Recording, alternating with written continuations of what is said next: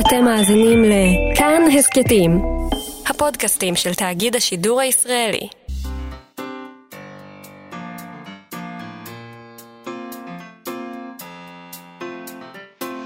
מה שכרוך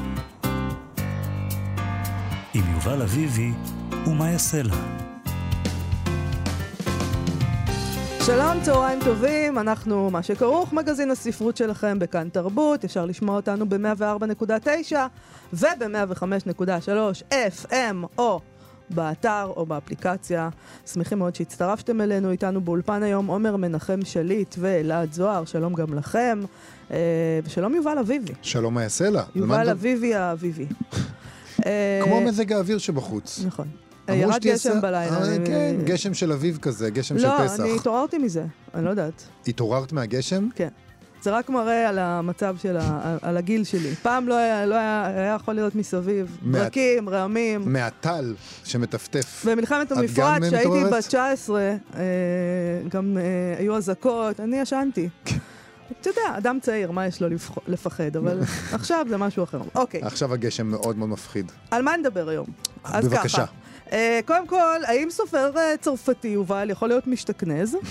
דיברנו כאן בעבר על השיבה לריימס אה, של דידייה ריבון, דיברנו על זה כמה פעמים. נכון, כי זה ספר שמגיע לו, שידברו עליו כמה פעמים. היו הרבה נקודות התייחסות uh, לספר הזה, היו שראו בו סיפור חניכה של ילד הומוסקסואל uh, בפריפריה הצרפתית, והיו שראו בו כתב האשמה נגד השמאל, והדרך שבה הוא איבד את העם הצרפתי, וכמובן אנחנו תמיד uh, לוקחים מהדברים האלה וחושבים על עצמנו, לא רק על הצרפתים. מהמם. Uh, ויש עכשיו גם קריאה uh, שאנחנו נשמע היום על השתכנזות. אלי ביטן מגיש תוכנית האקטואליה המצוינת, מ- מנדי וביטן בכאן מורשת, תדבר על הספר הזה כמסע של השתכנזות. Uh, ואנחנו ננסה להבין כיצד הוא קשור לדתיות הישראלית ומה זה בכלל השתכנזות. Uh, אנחנו... אני חושב שזה נהדר להבין את מושג ההשתכנזות דרך אה, ספר צרפתי. זה באמת, אה, בשביל מה בעצם אנחנו, מה, בשביל מה אנחנו קוראים? בשביל זה. אנחנו נדבר גם עם צייד הספרים שלנו, אילי גרין, מחנות הספרים האחים גרין. Uh, בפינה הקבועה אצלנו על אספנות ספרים ובכלל, נראה מה הוא נכון. יביא לנו היום. נכון, אבל לפני הכל, עונת הפרסים אה, ממשיכה. הפעם, עם הסופרת המצוינת לאה עיני, שעתה הוכרז על זכייתה בפרס עגנון לשנת תש"פ. אה, לפי ההודעה לעיתונות, היא האישה הראשונה לקבלו. אה, עיני תקבל מענק בסך 40 אלף שקלים מידי משרד התרבות, בית עגנון ועיריית ירושלים, שמעניקות את הפרס במשותף. ועדת הפרס שהכריעה על זכייתה של עיני כללה את פרופסור אורי שין כהן ודוקטור רועי גרינוולד וגם את, מה יעשה לה? בנימוקיכם כתבתם השופטים שמאז הופעת ספריה הראשונים, עיני התבססה כקול הכרחי ומלא בינה בספרות העברית. היא העמידה גוף יצירה מקורי ורב קולי שמאיר את החיים בישראל תוך מעבר רהוט בין דרכיו המרכזיות לשביליו הנידחים, שיש להכיר בחשיבותו ומגוון האפשרויות שהוא פותח בפני קוראי הספרות בישראל. אני חייב להסכים, מה שמדהים בלאה עיני אה, בעיניי זה העובדה שאתה מופתע. כל פעם שאתה פותח ספר שלה, אתה מקבל משהו אחר לגמרי. בעוד שהרבה פעמים אתה מתרגל לשמוע איזה קול של סופר, אצלה זה הפתעה, הכל מתחיל מחדש. אה, נספר שלאה עיני פרסמה אה, 12 ספרי פרוזה, האחרון שבהם אה, אה, השנה. השמלה, קובץ סיפורים קצרים. לפני כן, כמובן, ורד הלבנון, אני חושב שזה הספר הכי מפורסם של הספר נהדר. בת המקום, סוסית ועוד. היא זכתה בפרס ראש הממשלה ב-94 וב-2004, בפרס ביאליק בשנת 2010, פרס ניומן, סליחה, ניומן. ניומן. ברגע שאמרתי את המילה הזאת נשנק קולי, אני לא יודע למה. ניומן. אה, זה מסיינפלד, נכון? אה, אני מתפלאת שאתה שואל, באמת. אני מתפלא שהצלחתי לזהות. ניומן. אה, אז פרס ניומן, לא אותו ניומן מסיינפלד, ב-2014. רגע נתעכב, דקה אחת, על ההכרזה הזאת של אנשי הפרס, שעיני היא האישה הראשונה שזוכה בפרס, זה באמת נהדר. אכן, מאז אה, שחזרו לחלק את הפרס הזה, פרס עגנון, חזרו לחלק אותו בשנת 2016, לרגל שנת היובל לזכייתו של אה, שי עגנון. בפרס הנובל לספרות, אה, מעניקים אותו על, אה, התחילו להעניק אותו על מכלול היצירה של סופר או סופרת שכתבו יותר משני ספרים לפחות, אז מאז 2016 זכו בו רק גברים, יניב איצקוביץ', חיים באר וסמי מיכאל, חבורה נכבדת להצטרף אליה, אבל נזכיר שלפני כן, כפי שאנשי הפרס עצ- עצמם אומרים, זה, זה, זה הת- התנאה מחדש של פרס ישן, כן? אה, אז לפני כן הוא חולק במתכונת אחרת מטעם אה, עיריית ירושלים בלבד, ונקרא פרס ירושלים על שם, לספרות יפה על שם שי עגנון. לפי מה שאני הצלחתי לראות, האחרונים שזכו בפרס הזה היו עמוס עוז וחנוך בר-טוב בשנת 2006, אבל לפני כן זכו בו גם נשים כמו יהודית הנדל ורות אלמוג, סתם לשם דוגמה. אה, אז צריך להחליט, או שזה המשך של הפרס הזה, או שזו האישה הראשונה שזוכה, אבל... מכיוון שאני הייתי מעורבת בדבר הזה, אני לא, לא רוצה, אני לא אתווכח איתך, רק אגיד לך שאתה אדם מאוד קטנוני. קטנוני. נכון. לא, אבל אחרי שלושה גברים טוב שנותנים את זה גם לאישה, וטוב שנתנו את זה ללאה עיני שהיא סופרת נהדרת. אני רוצה, יש לנו זמן לדבר הזה? כן, יש לנו זמן. כן. אה, נקרא קטע קצר מתוך, אה, דווקא מתוך אחרית הדבר, שכתב אה, עודד וולקשטיין, שערך את ספרה האחרון, השמלה, ספר הסיפורים הקצרים כאמור, שגם הוא ביטוי כלשהו, מה שהוא כותב שם ביטוי למכלול היצירה של עיני. אה, אני, הוא כותב שם על הסיפורים, על הדרך שבה הסיפורים מ- מתחברים, בתוך הקובץ הזה מתחברים בינם לבין עצמם, והוא נותן דוגמאות, ואז אה, הוא אומר, נדמה שדי במהלך עטוף זה, זה המהלך שהוא תיאר של איך הסיפורים מתחברים, כדי להראות שתהיה זו לשון המעטה לומר, שהסיפורים המכונסים בספר זה הרוגים זה בזה. משהו קיצוני יותר, אורגני יותר, מתחולל בדפים אלה. הסיפורים מתגלגלים זה בזה, נעשים זה לזה. מתלבשים ומתבדים זה בזה. הצטרכותם זה לזה כרונית, כמעט נואשת. בעודם מתברקים בזוהר נזירותן של המתכות האצילות, הסיפורים שוקקים זה לזה, מתרכבים ללא הפסק בזיווקים, משכתי צלם, מותחים בחום רעבונם למפלצות כלאיים. צריך לעצור רגע ולהגיד שהוא פשוט כותב מדהים, עודד וולקשטיין. אי אפשר... אה... אי אפשר, אה, זה, זה פשוט נהדר. הוא ממשיך, מה יסודה של התשוקה הזאת? מדוע היא מקפידה כל כך להתלבש בהכחשתה? גיבורי הסיפורים האלה, עד האחרון שבהם כמעט, מתלבשים בחיים שאינם שלהם. הוא אומר, ההיבנות על סיפורים של אחרים היא תו יסוד בעולמה של עיני. די לחשוב על גיבורת הרומן, מי שהיא צריכה להיות כאן, שעולמה הפנימי יונק מן הספרים שהיא גונבת מחנות שכונתית. או על המספרת בנובלה בת המקום, השואלת את תודעתה של מספרת אמריקאית.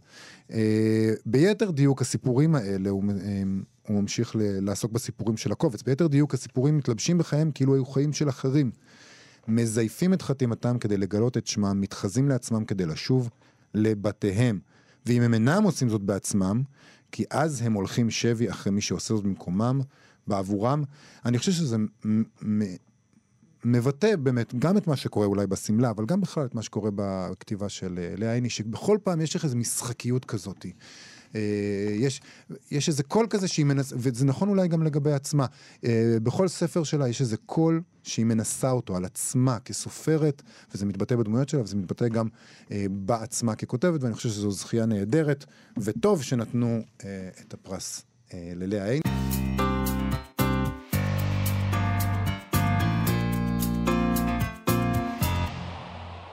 מה שכרוך אה, בכאן תרבות, ואנחנו נדבר עכשיו על השתכנזות. אה, הניסיון הנואש הזה להתקבל לשכבה הגמונית, הלחץ והכפייה שהחברה מייצרת אה, כדי להשתייך למעמד החזק והשליט, בו בזמן שהיא מעמידה חסמים ותקרות זכוכית אה, ומכשולים בפני מי שלא נולד למעמד הזה אה, ומנסה לעבור צד. אה, שלא לדבר על המחיר. הנורא שמשלם מי שמנסה ומי שמצליח לשדרג את מעמדו החברתי, ואת כל הדברים האלה איכשהו מוצא אלי ביטן שלנו, מגיש תוכנית האקטואליה, מנדי וביטן בכאן מורשת, תוכנית מדהימה. Uh, באמת. Uh, הוא מוצא בספר השבעה מריימס של דידי ריבון, uh, שאחרי לא מעט קריאות בו ופרשנויות שלו, uh, הוא סוף סוף מקבל את המקום הראוי שלו כביטוי של הפערים והמאבקים העדתיים בישראל. שלום אלי ביטן. אהלן. אה, אז תסביר לנו איך הסיפור הזה של צרפתי, הומוסקסואל מהפריפריה, אה, המסע שלו אל האליטה האינטלקטואלית של צרפת, הוא בעצם יכול להיות גם משל לעדתיות הישראלית. אז אני רוצה uh, רגע לעשות את המסע ההפוך. בבקשה. Uh, כי uh, אנחנו תמיד uh, uh, מסתכלים על המסע באמת uh, מלמטה למעלה, מהמעמד הנמוך uh, אל המעמד, אבל מה שדידיאר ריבון עושה בספר הזה, זה מסע הפוך. זאת אומרת, הוא כבר נמצא במקום, ואז הוא חוזר צעד אחר צעד לתחנות שהובילו אותו למקום, ובחשבון...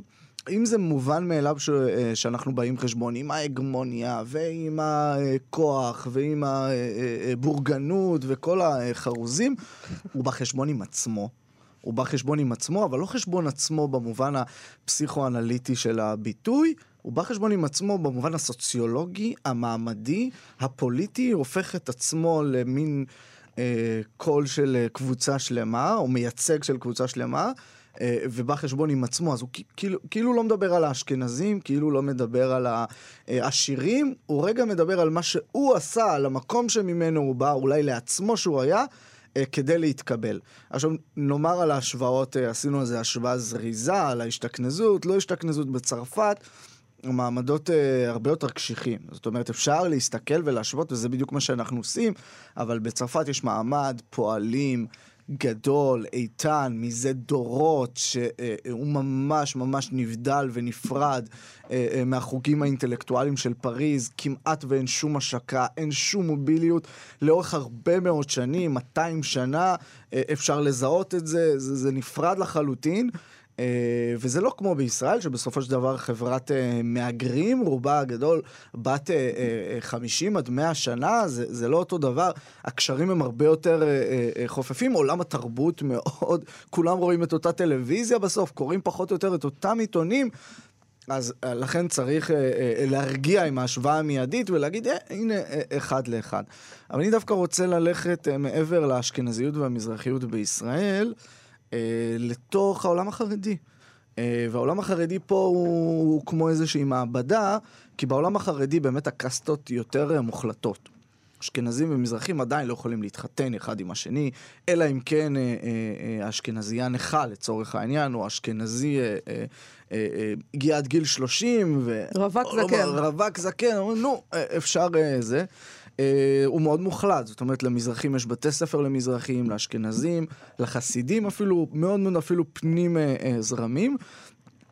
וגם מוחלט התהליך שעושים מזרחים, ספרדים, ואני עדיין מדבר עליהם, עליהם, למרות שאני מדבר עליי, כדי להתקבל אל, אל הליטאיות. לאו דווקא מתוך הערכה לליטאיות, בוודאי לא בצעדים הראשונים, אלא מתוך הבנה שכל מה שאתה צריך כדי להצליח בחיים, זה להיות uh, ליטאי. למה? למה? תסביר לנו שאנחנו לא מבינים. למה ליטאי דווקא? אז פה במובן הזה אנחנו uh, יכולים, uh, זה, זה על כל uh, קבוצה. ההגמוניה היא ליטאית, בואו mm. בוא ננטרל את המילה הזו. Uh, מי שקובע את, uh, את, uh, את התרבות, את הערכים, אוחז בעמדות הכוח, uh, הם הליטאים, בוודאי ביחס לספרדים. הליטאים והחסידים גם מצויים בקונפליקט, אבל ביחס לספרדים זה די ברור. הם גם הרוב. בחברה החרדית האשכנזים הם הרוב, להבדיל, הרוב המוחלט, להבדיל מהחברה הישראלית. אה, והם האירופאים, הם אה, העשירים, הם החזקים יותר. אה, וכדי באמת להצליח, או כדי אולי להיות חרדי יותר, כדי להיות נכון יותר, אתה מאמץ, אתה עוזב את האלמנטים אולי המזרחיים, ואוחז באלמנטים ליטאים. אני רוצה להגיד פה שזה גם אה, עניין של חרדים ושל דת ולא דת. זאת אומרת, בחברה הישראלית הרבה פעמים אה, מפלים מזרחים או, או אה, מתייגים מזרחים כמס, כדתיים ומסורתיים. אומרים חילוני מזרחי הוא אף פעם לא ממש חילוני, כן. הוא הרי מזרחי, הם, הם, יש להם איזה עניין פתוח.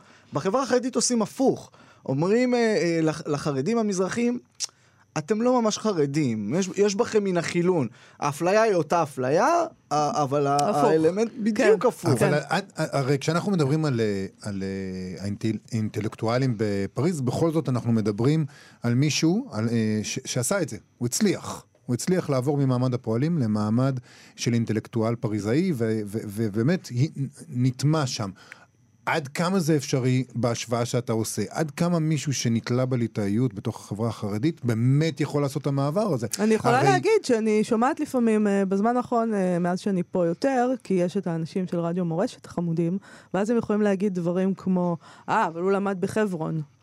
וזה, אם אומרים את זה על... אה, זה ישיבה חשובה, נכון? זאת אומרת, אתה... אני למדתי בפונוביץ', והאמירה אומרת חשובה. שפונוביץ' היא מספר אחת. אוקיי. וחברון מספר 20, רק שאין באמצע.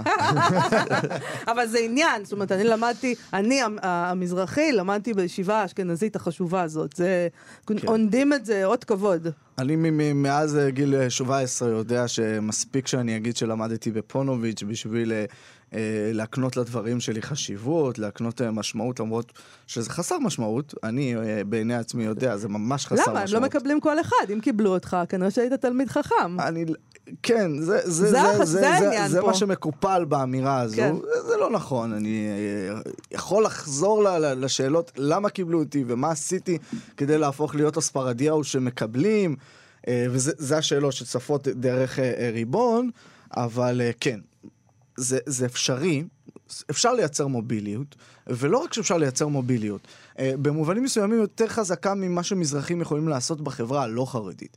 כי בחברה החרדית המזרחים הגיעו לתפקיד הנהגה ולעמדות כוח אה, אה, בתוך החרדיות, שהם לא הגיעו אליה בתוך הישראליות, והיום המפלגה הגדולה ביותר היא חרדית, היא ספ, חרדית ספרדית, המנהיג החרדי הבכיר הוא הפוליטי, הוא אה, חרדי מזרחי, הרבנים אה, אה, הם, הם הגדולים, המזרחים, הם מקובלים, יש להם המון המון כוח, היום כביכול הם אפילו לא צריכים את האשכנזים, זה קרה. מצד שני יש חסם, נגיד תלמידים אשכנזים בישיבות, אה, תלמידים ספרדים בישיבות אשכנזיות יש, ברמה של 30-40 אחוז לפעמים, אה, תלמידות אה, ספרדיות בסמינרים גם, אין סמינר אשכנזי ליטאי שאין בו 30 אחוז לפחות של ספרדיות, אבל אין מורה ספרדית באף סמינר. אין רם, שזה רב, ספרדי, מזרחי, בשום ישיבה אשכנזית. ו- עדיין יש, כשאמרתי את זה, מצאו אחד. וכש, ואין, אה, ואין אה, אשכנזים שבוחרים ללמוד במוסדות אה, ספרדיים? ולו אחד. ולו אחד. עכשיו, יש צוות החינוכי בישיבות ספרדיות, במודל הליטאי, שזה רוב מוחלט של הישיבות הספרדיות, 50 אחוז, אם לא יותר, שהם אשכנזים. אותם אשכנזים שלא מצאו תפקידים בתוך העולם הישיבות הליטאי, מוצאים תפקידים בעולם הישיבות הספרדי, שהוא, אה, זה, זה מדהים, כי התפילות אה, אה, הן ספרדיות, בנוסח ספרדי, אבל הניגון הוא ליטאי לפעמים, נהגי התפילה וכאלה. אבל אם אתה למדת בפוניבז' ו... אז אתה נחשב, אתה יכול כבר להתחתן עם בחורה אשכנזייה חרדית מבית טוב? או שזה עוד לא? התשובה שכל החיים אמרתי זה, אתה לא רוצה.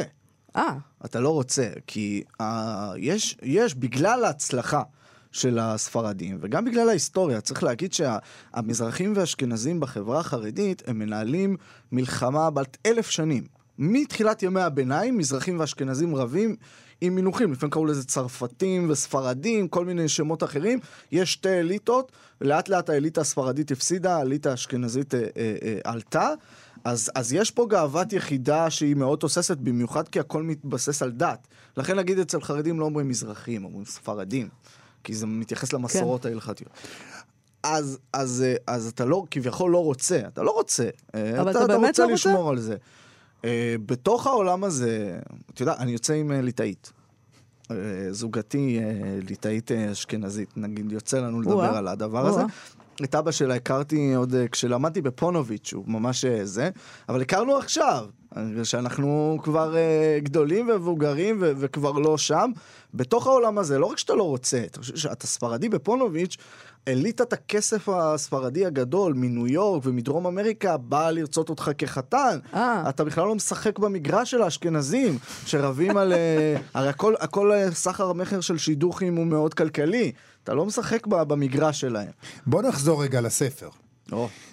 אחרי שהבנו את... אה, אה, נתנו טעימה אה, של נקודות ההשקה, בכל זאת, מה, מה, מה גרם לך לחשוב על כל הדברים האלה כשקראת את השיבה לרמס? מה, איך, איך, איפה אתה פגשת את זה? אני יודע שיש כל מיני דברים ספציפיים שקראת בספר שהדליקו אצלך את הדברים האלה. אז לא נעים לומר, דווקא אנחנו מדברים על התופעות ועל הדברים הגדולים, אבל המסע של ריבון הוא אישי מאוד, בסופו של דבר הוא עצמו. והוא גם מאשים את עצמו, הוא מאוד מאוד קשה עם עצמו. וזה, זה כאילו קראתי את הספר, ועוד אגרוף בבטן ועוד אגרוף בבטן, אה, בכיתי והקראתי? ודיברתי וואו. על זה עם אמא בתחושה, שלי ועם... בתחושה שלך שבעצם אתה בגדת במשהו באותו אופן? או, בדיוק. וזהו האלמנט של המשתכנז, האלמנט הזה שאתה, בשביל לייצר לעצמך את ההצלחה, לא הצלחתי לייצר לעצמי את ההצלחה, אבל התקווה, ההבטחה להצלחה הזו, אתה אולי אה, אה, אה, אה, משקר בהתחלה, משקר בסוף, משקר בהמשך, אתה בוגד אה, במ- במורשת שלך. אחת הסיטואציות שאני זוכר, אה, שאני הייתי בכיתה ז' בבית ספר של ש"ס. כולם ספרדים, כולם ש"סניקים, ממש, ש"ס זה ממש אה, זה. ואני החלטתי שאני הולך לישיבה אשכנזית. ו... ובכיתה שלי אמרו, "בוא, אתה, אתה בוגד? אתה הולך לאשכנזים? ועוד לא אפילו ידעתי לתת לזה שם של מוביליות או של הצלחה, היה, הסבירו לי שזה יותר מצוין, יותר טוב. הייתי ילד ממש קטן, הייתי ילד בן 12. ויש לי כמה חברים, לפחות חצי כיתה, שלא מדברים איתי מאז. אה, שניים, אבל, אבל צריך להגיד, שניים מהם ישבו בכלא, והשאר הם ממש ממ- נמצאים עדיין גרים שם אה, בשכונות בבית שמש, לא הצליחו להתקדם בתוך המערכת, ועדיין, אם אני רואה אותם ברחוב, ש- בשכונת הוריי, זה מה שאני רואה, זה מה שאני רואה, במה בגדת, והוא ממש מתאר איך הוא כביכול בגד, איך הוא אה, יום אחד בפריז, רואה את סבא שלו, שהוא עבד כשוטף אה, חלונות. אה, ו... וסבא שלו מנפ... מנופף ידיים, וואי, הנה, אני רואה את הנכד שלי. והוא עם החברים, והוא מתעלם ממנו. אבל uh, הוא לא מתעלם ממנו באופן אידיאולוגי, הוא, הוא מרגיש. שיש פה בעיה בין העולמות. אה, למרות שאחרי זה הוא רב עם החברים שלו, שאומרים על uh, פועל אחר, או על זה אחר, איזושהי מילת זלזול. הוא, הוא רב איתם, וזה בדיוק המקום. המ- המקום של משתכנז בתוך המקום הליטאי, ואני לא יכול להגיד על עצמי משתכנז, זה כמובן אה, אה, מילה חמורה, הוא רב עם הליטאים. אה, אה, אה, אם אני לוקח את דמות המשתכנז האולטימטיבי, דרעי, מה שדרעי עשה לליטאים, אף ליטאי ואף חסיד לא עשה להם מעולם, הוא שבר את כוחם, הוא רב איתם. אבל כשהוא חוזר הביתה לאימא בבת ים, אני, אני לא, זה, זה לא פייר לעשות את זה לדרעי. אבל איך הם מסתכלים עליו? אתה הלכת לחברון, מה עשית בשביל להגיע לחברון? ויש קטעים שהוא ממש אה, אה, מתאר את זה ריבון, ואי אפשר ל, לא לראות את, ה, את החיים... אה, ויש אצלו באמת את שני הדברים האלה, זה מאוד מעניין, כי יש אצלו את שני הדברים האלה, גם התחושה האישית שלו, כמי שבגד, כמי שעשה את הדברים האלה, איזשהו באמת חשבון עם עצמו, אבל גם באים שם הדברים האלה של איך הסביבה שהוא נטש מתייחסת אליו עכשיו, זאת אומרת, מה הם מרגישים כלפיו, וזה באמת תחושות מאוד מאוד מורכבות. אה, לכאורה, קהילה צריכה מאוד מאוד להשתוקק, שבניה יגיעו למקסימום, יעשו את המקסימום עם עצמם ויגשימו את עצמם, אבל יש תחושות מאוד קשות עם זה, עם האינטלקטואלים גם כן, אלה שהלכו להיות אינטלקטואלים בפריז, מי צריך אותם בכלל? זו תחושה של כישלון שמישהו הולך להיות אינטלקטואל בפריז. כן, אבל הוא אומר, וה- והוא הוא שם לב לדואליות. יש איזו סיטואציה שהוא מתאר, שאימא שלו מספר, אבא שלו תמיד היה בז אליו, כמו שאתה אומר, תמיד בז אה, האינטלקטואלים, אתם ואתם, והוא מביא דברים. הוא לא אומר, והוא ניתק קשרים עם אבא שלו, הוא גם לא, הוא גם, אה, אבא לא שלו להלוויה. מת, לא בא להלוויה והכל. כן. תוך כדי שיחה, אימא שלו מספרת שיום אחד אה, הוא היה בטלוויזיה. הוא אומר, הוא היה בטלוויזיה ודיבר כ- כהומו מוצהר בטלוויזיה, וההומואיות זה חלק מאוד משמעותי ממה שהריבון חקר וכתב עליו, אה, ופרקטיקות של הדרת הומואים והומואיות. והוא בטלוויזיה, אומר, ואבא שלו התרגש. יש... אימא שלו מספרת איך אבא שלו התרגש, ואבא שלו היה הומופוב מאוד גדול, עד כדי כך שבמשפחה, אפילו אימא שלו עדיין לא מוכנה להוציא את המילה הומו. אתם, או הזה, כל מיני ביטויים אה, זה.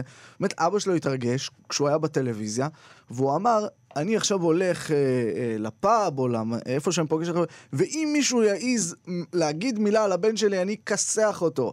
עכשיו, היא מספרת לו את זה, והוא אומר, כל החיים הוא אמר לעצמו, אני מתנתק מסיבות ערכיות. מסיבות ערכיות. הם הומופובים, אני הומו, אני לא יכול, אה, זה, זה, זה פשרה. אבל הוא אומר, בסופו של דבר יש כל מיני פרקטיקות. השיא של הדבר הזה שהוא אומר, אני לא בקשר עם האחים שלו. הוא לא בקשר עם האחים, הוא לא מגיע להלוויה של אבא שלו כדי לא לפגוש את האחים, שהוא לא בקשר איתם, נקודה. הוא לא מערער על זה לאורך כל הספר. הוא לא אומר, מה אני בעיני עצמי חושב? שבגלל שאני יותר ערכי. ואז הוא מספר שיום אחד אימא שלו, שלא אומרת אפילו את המילה הומו, מראה לו תמונות של האחים. הוא לא רוצה לראות תמונות של האחים, היא מראה לו תמונות של האחים, ומצביעה על, על אחיין שלו. ואומרת לו, גם הוא מאלה. בהתחלה לוקח לו זמן להבין, ואז הוא, הוא מבין שהיא מתכוונת שהאחיין שלו הוא, הוא הומו. ואז היא מספרת שהאימא שלו, גיסתו, רצתה להוציא את הילד מהבית בגלל שהוא הומו. אה, ואז אח שלה, אח שלו, אמר לה, אם את מוציאה אותו מהבית, מה זה אומר? שאח שלי לא יכול להיכנס אליי הביתה? לא. אנחנו מר- אה, אה, משאירים את הילד, הוא אומר, וזה אח שלי שאני לא מוכן להיכנס אליו הביתה. שזה במידה מסוימת באמת הצורך הזה של מישהו שנטש את המחנה, להצדיק לעצמו כל מיני הצדקות שאין להם שום קשר למציאות, כדי להתמודד עם תחושת האשמה הגדולה, כדי להגיד זה לא אני זה הם. כן, והצורך גם אה, לייצר, ופה זה ממש מתחבר לתפיסה הסוציולוגית ואולי גם לפוליטיקה של, שלנו, הצורך לייצר להבדלים המעמדיים כסות ערכית. אנחנו לא רק יותר עשירים מהם, אנחנו יותר נכונים מהם. לסיום... אני, אני, אני חייב אה, להגיד לפני, לפני זה, כן. סליחה, שאני חושב שדידייה רימון היה ממש שמח לשמוע את הדרך נכון. שבה אתה קורא, כי... תתרגם לצרפתית עכשיו. בדיוק, בבקשה. כי, כי ה... זה קלישאה כמובן, אבל הדרך שבה מ- מ- ספר של מישהו אחד, אה, מקרה החיים של מישהו אחד שתרגם אותו לפרוזה, אה, פשוט מתורגמת למשהו אחר, מפורשת למשהו אחר לחלוטין אצל מישהו שחי במקום אחר, בתנאים סוציאליים אחרים, והוא מוצא את ההשקות האלה, אני חושב שזה אחת המחמאות הכי גדולות שאפשר לתת לסופר. אני רוצה לדבר על הספר, ש... על ה... סליחה, על השיר שבחרנו לסיום האייטם הזה. אלי ביטן, אה, ילדות נשכחת של אמיר בניון, למה בחרנו בו?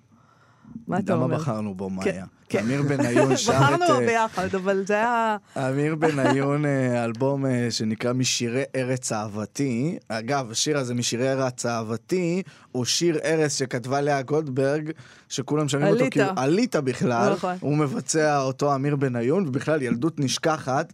זה שיר הגעגועים לילדות המושבניקית. האשכנזית כל כך, כביכול אספו את כל הסטריאוטיפים לאשכנזי, ולשיר אחד, לבית אשכנזי, ואז אמיר בניון עושה לו reclaiming של פשוט לבצע אותו, בלי לשנות אפילו בעיבוד אין משהו זה. הנה, מה, אנחנו כולנו ישראלים הרי, נכון? זה נכסי צאן ברזל של הישראליות, ועכשיו אנחנו אה, זה, ולא יודע אם זה עובד, לא עובד. אה, וכל פעם שאני שומע, זה אמיר בניון, זה כיף לשמוע, אבל אתה אומר, מה אתה שר? אה, צריף ישן, עצו, אחי, מה לוז? על מה אתה מדבר כאילו? על מי? אז בואו נשמע אלי את השיר ביטן, הזה. תודה רבה. תודה רבה לך על השיחה הזאת, על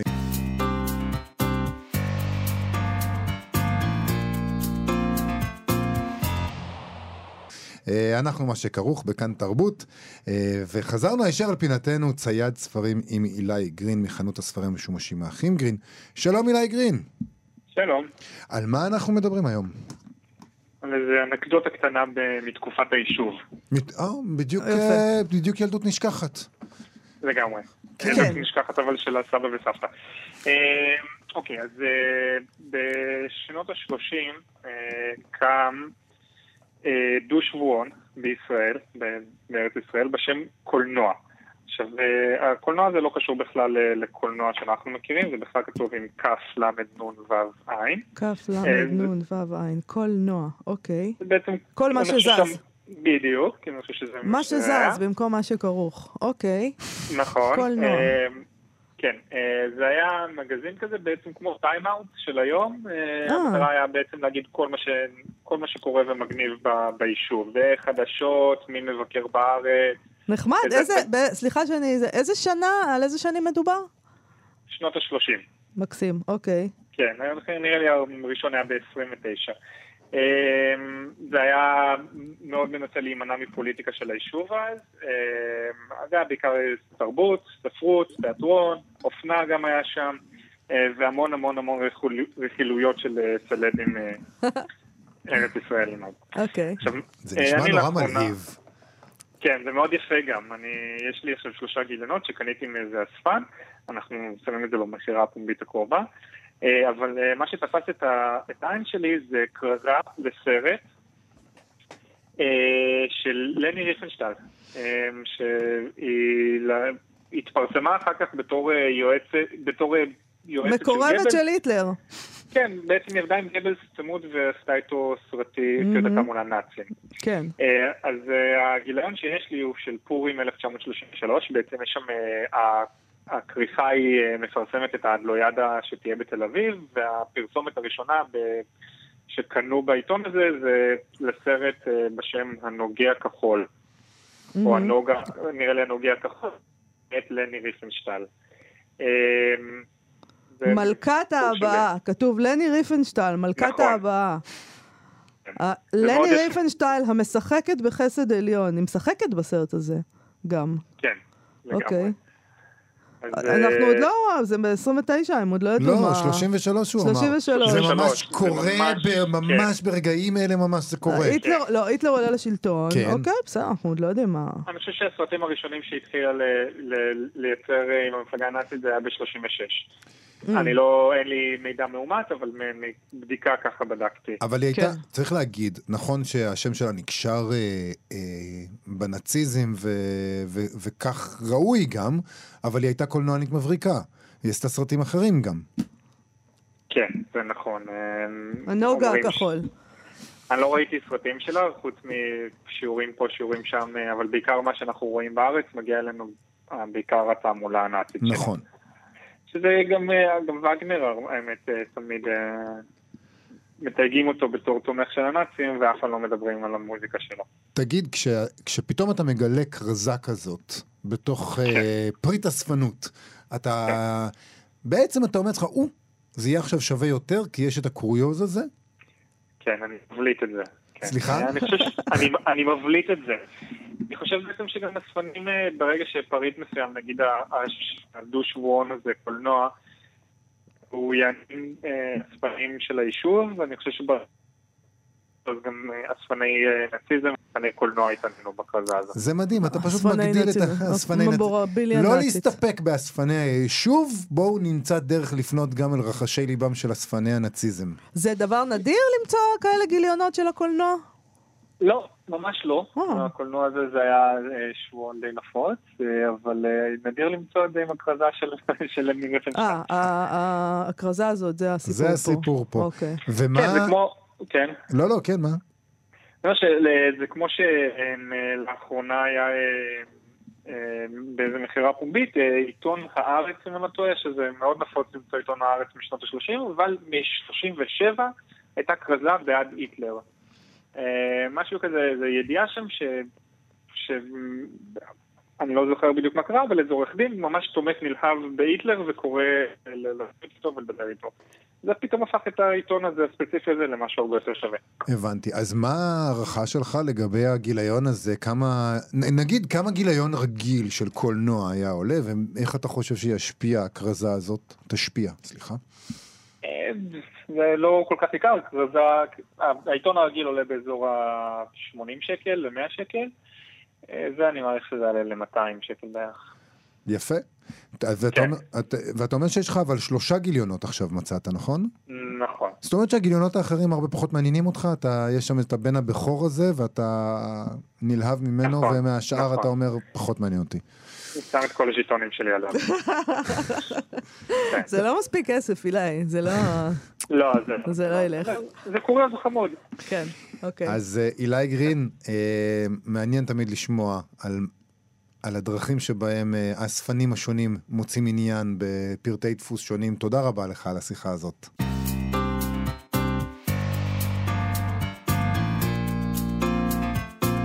אנחנו מה שכרוך בכאן תרבות, חזרנו אה, עם פינת הסטטוס היומי שלנו. יש לנו היום סטטוס של הסופר והמבקר אבי גרפינקל, אה, ש- הוא שיתף סטטוס עם תשובה של ניק קייב לשאלה של מעריץ. אה, והמעריץ שאל את אה, ניק קייב ככה: האם מחשבים בעלי בינה מלאכותית יוכלו אי פעם לכתוב שיר טוב? ניק קייב פותח את התשובה שלו אה, בזו הלשון. בספר 21 שיעורים למאה ה-21 של יובל נוח הררי, הוא כותב שבינה מלאכותית, עם הפוטנציאל הבלתי מוגבל שלה והחיבוריות שלה, בסופו של דבר תייתר מקצועות רבים, וזה נשמע סביר. עם זאת, הוא ממשיך שבינה זאת תוכל לכתוב שירים טובים יותר מבני אדם. הוא אומר, וסלחו לי על התקציר, שאנו מקשיבים לשירים שגורמים לנו להרגיש דבר מה, ובעתיד מכונות יוכלו למפות את המחשבה האנושית ולתפור שירים בהתאם לאלגוריתם המנטלי שלנו, כדי לגרום לנו להרגיש בדיוק בעוצמה מה שנרצה להרגיש. זה מה שיובל נוח הררי לפי התיאור נכון, של ניק קייב עושה, נכון. אבל ניק קייב לא מסכים עם יובל נוח הררי. אני לא יודע אם זה מותר בימינו לא להסכים עם נו- יובל נוח הררי. אה, אולי לניק קייב מותר. אה, הוא אומר... למה, אה, אתה ניק- מסכים עם יובל נוח הררי? לא, אבל אני לא בטוח שמותר לי. אה, הוא, אה, הוא כותב שם שיכול להיות, הוא אומר, יכול להיות שהמכונות באמת יוכלו לעשות את מה שיובל נוח הררי אומר שהם יעשו, אבל הוא, לא, הוא אומר, אני לא בטוח שזה כל מה ששירים עושים. שיר גדול גורם לנו תחושה של השתאות, ויש לזה סיבה. זה קשור לתעוזה של בני האדם לחתור למה שמעבר לפוטנציאל שלנו. יכול להיות שבינה מלאכותית תוכל להפיק שיר טוב כמו מריח כמו רוח נעורים של נירוונה, ושעשתה את כל מה שצריך כדי לגרום לנו להרגיש מה ששיר כזה אמור לגרום לנו להרגיש. כלומר, נרגשים ומרדניים. אבל כשאנו מקשיבים לשיר, ש... אה, לשיר, אנחנו לא מקשיבים רק לשיר, אנחנו מקשיבים למ... למסע של אדם צעיר ואבוד מחוץ לעיירה אמריקנית קטנה, אדם צעיר שהיה ללא ספק פקעת של חוסר תפקוד ומגבלות, הוא מדבר על קול קוביין, שהעז לזעוק את כאבו הפרטי למיקרופון ובעשתו כן הגיע ללבבות של דור שלם. אנחנו מקשיבים לבטהובן, מלחין את הסימפוניה התשיעית כשהוא כמעט חירש. אנו מקשיבים לפרינס, שר בגשם השוטף בסופרבול, הוא מפוצץ לאנשים את המוח. הוא ממשיך עם עוד ועוד דוגמאות שמתארות כמה השירים האלה הם יותר ממה שהם. והוא מסיים בכך שאנחנו מקשיבים למגבלות האנושיות ולתעוזה. אה, להתעלות מעליהן, לבינה מלאכותית, אה, על הפוטנציאל הבלתי מוגבל שלה, אין את היכולת הזאת. כיצד תהיה לה? זו המהות של התעלות. אם הפוטנציאל הוא בלתי מוגבל, על מה יש להתעלות? איפה הנשגב העילאי באפשר... באפשרויות בלתי מוגבלות? בינה מלאכותית אולי תוכל לכתוב שיר טוב, אבל לא שיר עילאי. היא חסרה את העצב. אה, אני חושב שזה יפה מאוד, מה שהוא כותב. אני לא בטוח שאני מסכים, אבל אני חושב שזה יפה מאוד. ההבחנה הזאת היא שהתעלות, שמה שגורם לנו להגיד, השיר הזה הוא עילאי, אה, זה דורש התגברות פלאית על מגבלות, וכיוון שלמכונה אין את המגבלה הזאת, גם אין לה התגברות, ולפיכך גם לא התעלות, אני חושב שזה מאוד מאוד יפה. אני חייב להודות שניק קייב לדעתי, כמו הרבה מאוד יוצרים, ויש את הדיון הזה גם על פרוזה, אנחנו בעצמנו דיברנו כאן על זה, יש את הדיון על פרוזה, והרבה מאוד יוצרים, והרבה מאוד בני אדם אולי, מצויים בשלב כזה שבו הם מחפשים הבדלים חדשים בינם, בין האדם למכונה, הם מחפשים את המותר האדם מן המכונה החדש. אה, כי פעם אמרו שמחשבים לא יכולים ליצור בכלל. אין להם את הדרך הזאת לעשות את זה. היום גילינו שהם כן יכולים ליצ- ליצור, כתבו תוכנות חדשות, ופתאום מחשבים יכולים לעשות דברים שהם לא, יכולים, לא יכלו לעשות קודם. אז אנחנו מוצאים איפה היצירה שלהם חסרה, מה חסר בה כדי להגיע באמת להתעלות. אנחנו נואשים כל כך, אנחנו הולכים ומצמצמים את היתרון האנושי על המכונה, נאבקים על כך שאנחנו בכל זאת מיוחדים. בדיון שנוצר אצל אבי גרפינקל, מזכיר בועז לביא, שאנחנו דיברנו איתו כאן בתוכנית על האפשרות שמכונות יכתבו ספרים, שזו טענה שטוענים גם חוקרי ומפתחי בינה מלאכותית מסוימים, בעיקר מעשורים קודמים, למשל דאגלס הופשטאטר, והיא נוגעת בלב הדיון על היתכנותה של תודעה לא אנושית. הופשט- הופשטאטר עצמו, בגדל אשר באך, כותב על כך אה, מאוד יפה, באופן שלמעשה גם ממש מזכיר את הטקסט הזה. לא הייתי פוסל את האפשרות שניק קייב הושפע ממנו ישירות, כאיש ספר שמתעניין, כך זה נראה בנושא. וגרפינקל עונה לו, השאלה היא אם הטענה הזו של קייב לא שמה דגש מופרז על מקור במקום על תוצאה או תוצר. ידועים מבחני טיורינג להבחנה בין שירים מעשה ידי אדם לבין שירים מעשה ידי מכונה, שגם קוראים מקצועיים נכשלו בהם, שלא לדבר על קוראים רגילים. אה, נגיד שמבחני טיורינג הם מבחנים שבהם בוחנים האם מכונה יכולה לעבור כאנושית בקרב בני אדם.